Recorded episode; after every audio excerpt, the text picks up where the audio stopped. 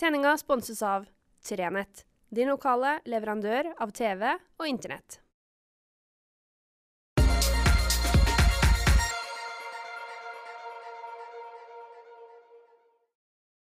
Riktig god fredag. I dag tenkte jeg at jeg skulle faktisk framsnakke noe jeg holdt på med sjøl. Jeg har begynt med noe søkkende artig. Eh, Jeg var jo i radioen på Skjervøy i masse, masse år.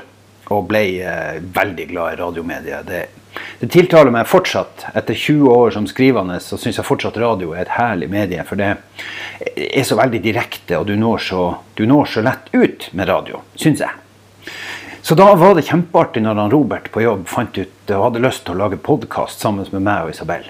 Eh, Så det har vi begynt med. Og den, ja, vi spilte inn episode tre. og det som jeg syns er så artig, er at eh, den handler egentlig ikke om noe annet enn livet. Jeg syns det er aldeles befriende å sitte og kunne prate med folk som jeg liker, om ting som er viktig for meg. Her, I siste episode snakka vi om det med å si til hverandre at vi er glad i noen, at vi elsker noen. Og hvor vanskelig det noen gang kan være, og hvor viktig det er å gjøre det hele tida, sånn at man ikke går på en smell og plutselig en dag glemmer det. Jeg måtte fortelle om ei historie som jeg opplevde sjøl for bare noen dager siden. Ja, faktisk bare dagen før vi lagde podden, så sendte kona meg, meg et bilde av eh, ganske mange gullapper som jeg opp gjennom årene etter at vi ble kjærester, har snekket meg inn på kontoret hennes og lagt der. Sammen med kanskje en liten sjokoladebit. Og det var jo kjempekoselig. Men det som var trasig, var at vi oppdaga at det var lenge siden jeg hadde gjort det sist. Og Vi har vært gift i noen år, og vi har vært kjærester i noen år, og så begynner ting å gå inn i en sånn trant. Og den tranten tror jeg jeg må passe meg for. Så det var litt deilig å sitte og prate med Robert og Isabel om det her. Oppdaga at han Robert var veldig opptatt av det. Eh, Jeg hadde ikke sett for meg det. Jeg hadde ikke tenkt at han Robert var en sånn mann som brydde seg om det her. Han driver jo med jakt og fiske og fremstår jo som en ordentlig sånn machofyr. Men nei da. Innerst inne er han Robert en god, gammel romantiker, og det var deilig å prate om. Så jeg anbefaler dere å ta en liten, en liten hør på, på podden. Eh, her om dagen plinga det i eh, postkassa mi på eh, dataen. Ja, e-postkassa. Eh, det kom en, en mail fra Medietilsynet. Medietilsynet er et tilsyn som driver og passer på oss media. Eh, at vi gjør jobben, at vi ikke ja, slår oss sammen med for, blir for store og for mektige etc. Og passer på at media gjør det media skal gjøre. Eh, men de driver også og lager noen kampanjer som skal passe på at vi ikke gjør de tingene vi ikke bør gjøre. Som f.eks. Eh, nakenbilder. For det kan selvfølgelig være koselig når man er forelska og er trygg på hverandre og alt er veldig fint og bra. Så kan det være ja, kanskje føles det riktig der og da å sende et nakenbilde til kjæresten sin. Men det er ganske farlig å gjøre det, for plutselig en dag så er det slutt. Og så ligger det der bildet på en annen sin mobil. Et menneske du kanskje til og med er i en eh, ja, dårlig kjemi med plutselig. Eh, og når vi er voksen kan det være ille nok, men når du er barn, og når du er ung, og når du ikke helt aner konsekvensen av hva det er, så er det viktig at man blir rettleda. Og Medietilsynet har laga en eh, folder, eller ja, de har på nettsidene sine laga noe som gjør at du som forelder kan gå inn og få noen råd. For det er ikke bare bare å ta den der praten. Altså det, det vet vi alle som, har, som er foreldre. Vi vet at det der er en vanskelig prat å ta. Det å snakke om porno og sex på, på nett. For det første er vi kanskje kommet så langt opp i årene at vi ikke helt vet hvordan ting fungerer. Og så blir det enda vanskeligere å ta den. Sjøl er jeg bestefar og har et lite barnebarn på åtte år. Ehm, og vet at det er mange feller som hun kan komme til å gå i. Da er det greit at mammaen hennes tar en prat, men også at vi som eh, besteforeldre kan være med å bidra. For mange ganger så tenker jeg at vi som besteforeldre kanskje har et litt annet forhold til ungene, barnebarna, enn hva foreldrene har. Kanskje hører de litt annet på oss enn hva de gjør på mamma og pappa. Så jeg anbefaler alle, både mødre og fedre og besteforeldre og ja, sågar oldeforeldre, for de blir stadig yngre, har jeg registrert, til å gå inn på Medietilsynet sine sider og søke opp nakenpraten. Nakenbildepraten. Der får du gode råd på hvordan du skal innlede, hvordan du skal gå fram. For det her kan være vanskelig. Den andre greia jeg tenkte jeg skulle ta opp i dag, det handler òg om nett. Det, det, opptar meg ganske mye, det her med nettet. Og det er akkurat den delen som handler om at vi veldig fort tar ting i verste mening. Eh, jeg satt og så, Vi hadde ute ganske mange saker om, om korona. Og på noen av dem så smeller det plutselig av gårde med, med, at de unge gjør bare.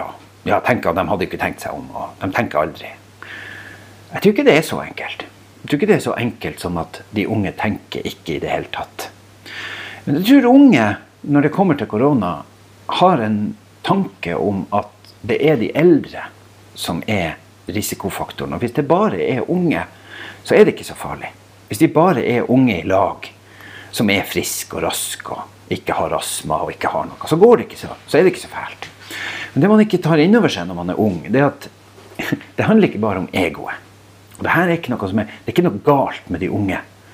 De unge har bare ikke enda fått på plass denne tanken om noe mer enn en sjøl veldig ofte. Veldig ofte så lever de unge i sin egen sfære, sin egen boble, og tenker ikke så forferdelig mye lenger enn kanskje bare morgendagen og dagen etter det igjen, på det lengste. Så der er igjen det viktig at vi som er voksne og etter hvert begynner å bli gamle, at vi kan klare å forklare de unge. For jeg tror det her bare handler om pedagogikk. Og Jeg leste en flott sak med, med en ungdom som var testa i Tromsø, elev på videregående, som sa det at han hadde rett og slett ikke tenkt seg om. Han hadde rett og slett ikke forstått omfanget. Han hadde fått en aha-opplevelse. Og Det handler ikke mine damer og herrer, om at, at, unge mennesker ikke tenker, at de ikke bryr seg om, at ikke unge folk har empati. Men det bare handler om at vi som voksne må fortelle dem om konsekvensene på en sånn måte at det går hjem. Og ikke at vi dundrer og med pekefingeren forteller at sånn skal du gjøre det, men at vi finner en måte å gjøre det på som er klok og smart. Det var de to tingene jeg egentlig hadde tenkt å ta opp i dag. Men jeg, jeg klarer ikke helt å dy meg. For jeg, Reidar Eilertsen hadde en, en, kjempefin kommentar forrige fredag som, på Velment hos oss, som jeg anbefaler dere å lese. og Den sier noe om det her med sterke kvinner. Og den frykten som lever i ganske mange menn for sterke kvinner. Og en del damer òg. Og hvordan damer som, som, har fått makt og posisjoner, veldig fort blir sett på som nebbete ja.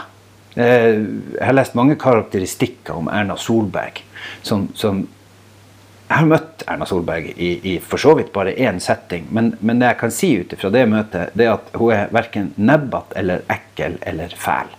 Eh, tvert imot var det et svært hyggelig menneske jeg møtte, med enorm kompetanse og kunnskap om veldig veldig mye. Vi satt og diskuterte med Solberg i, i en time, en haug med redaktører, og vi teppebomba henne med spørsmål, og hun hadde en, en betydelig evne til å svare på det aller, aller meste. Så, så man kan være uenig på mange felt, men å gå liksom til, til en haug med karakteristikker fordi man er uenig med andre mennesker i, i politikk og, og, og, meninger, det blir veldig feil.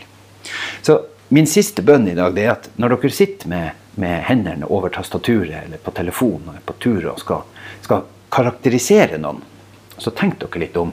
Og tenk, svarer jeg nå på meningen deres, eller går jeg løs på person? Når vi går løs på andre folk sine meninger, må vi passe på at det er meningen og ikke person. Som f.eks. å begynne å beskrive bekledninga til Taja Hajik istedenfor å gå løs på innholdet. Det var min lille bønn. Han, uh, I podden, jeg må reklamere litt til slutt, så snakka vi mye om uh, trafikksikkerhet. og Robert fikk lov å, å, å, vræle litt om lysbruk. Og så skrøt han av meg og uh, at jeg hele tida passa på at folk brukte refleks. Og det blir min lille bønn i dag òg. Vær så snill, og når du er ute og går i mørtna, bruk noe refleks. Jeg har, ser stadig folk som jeg nesten ikke ser. Forleden dag så gjorde jeg feilen sjøl. Jeg skulle bare ned i nabolaget med en, med en sykkel og på tur opp. Mens jeg gikk opp de små, mørke veiene, så kjekk jeg nedover meg sjøl.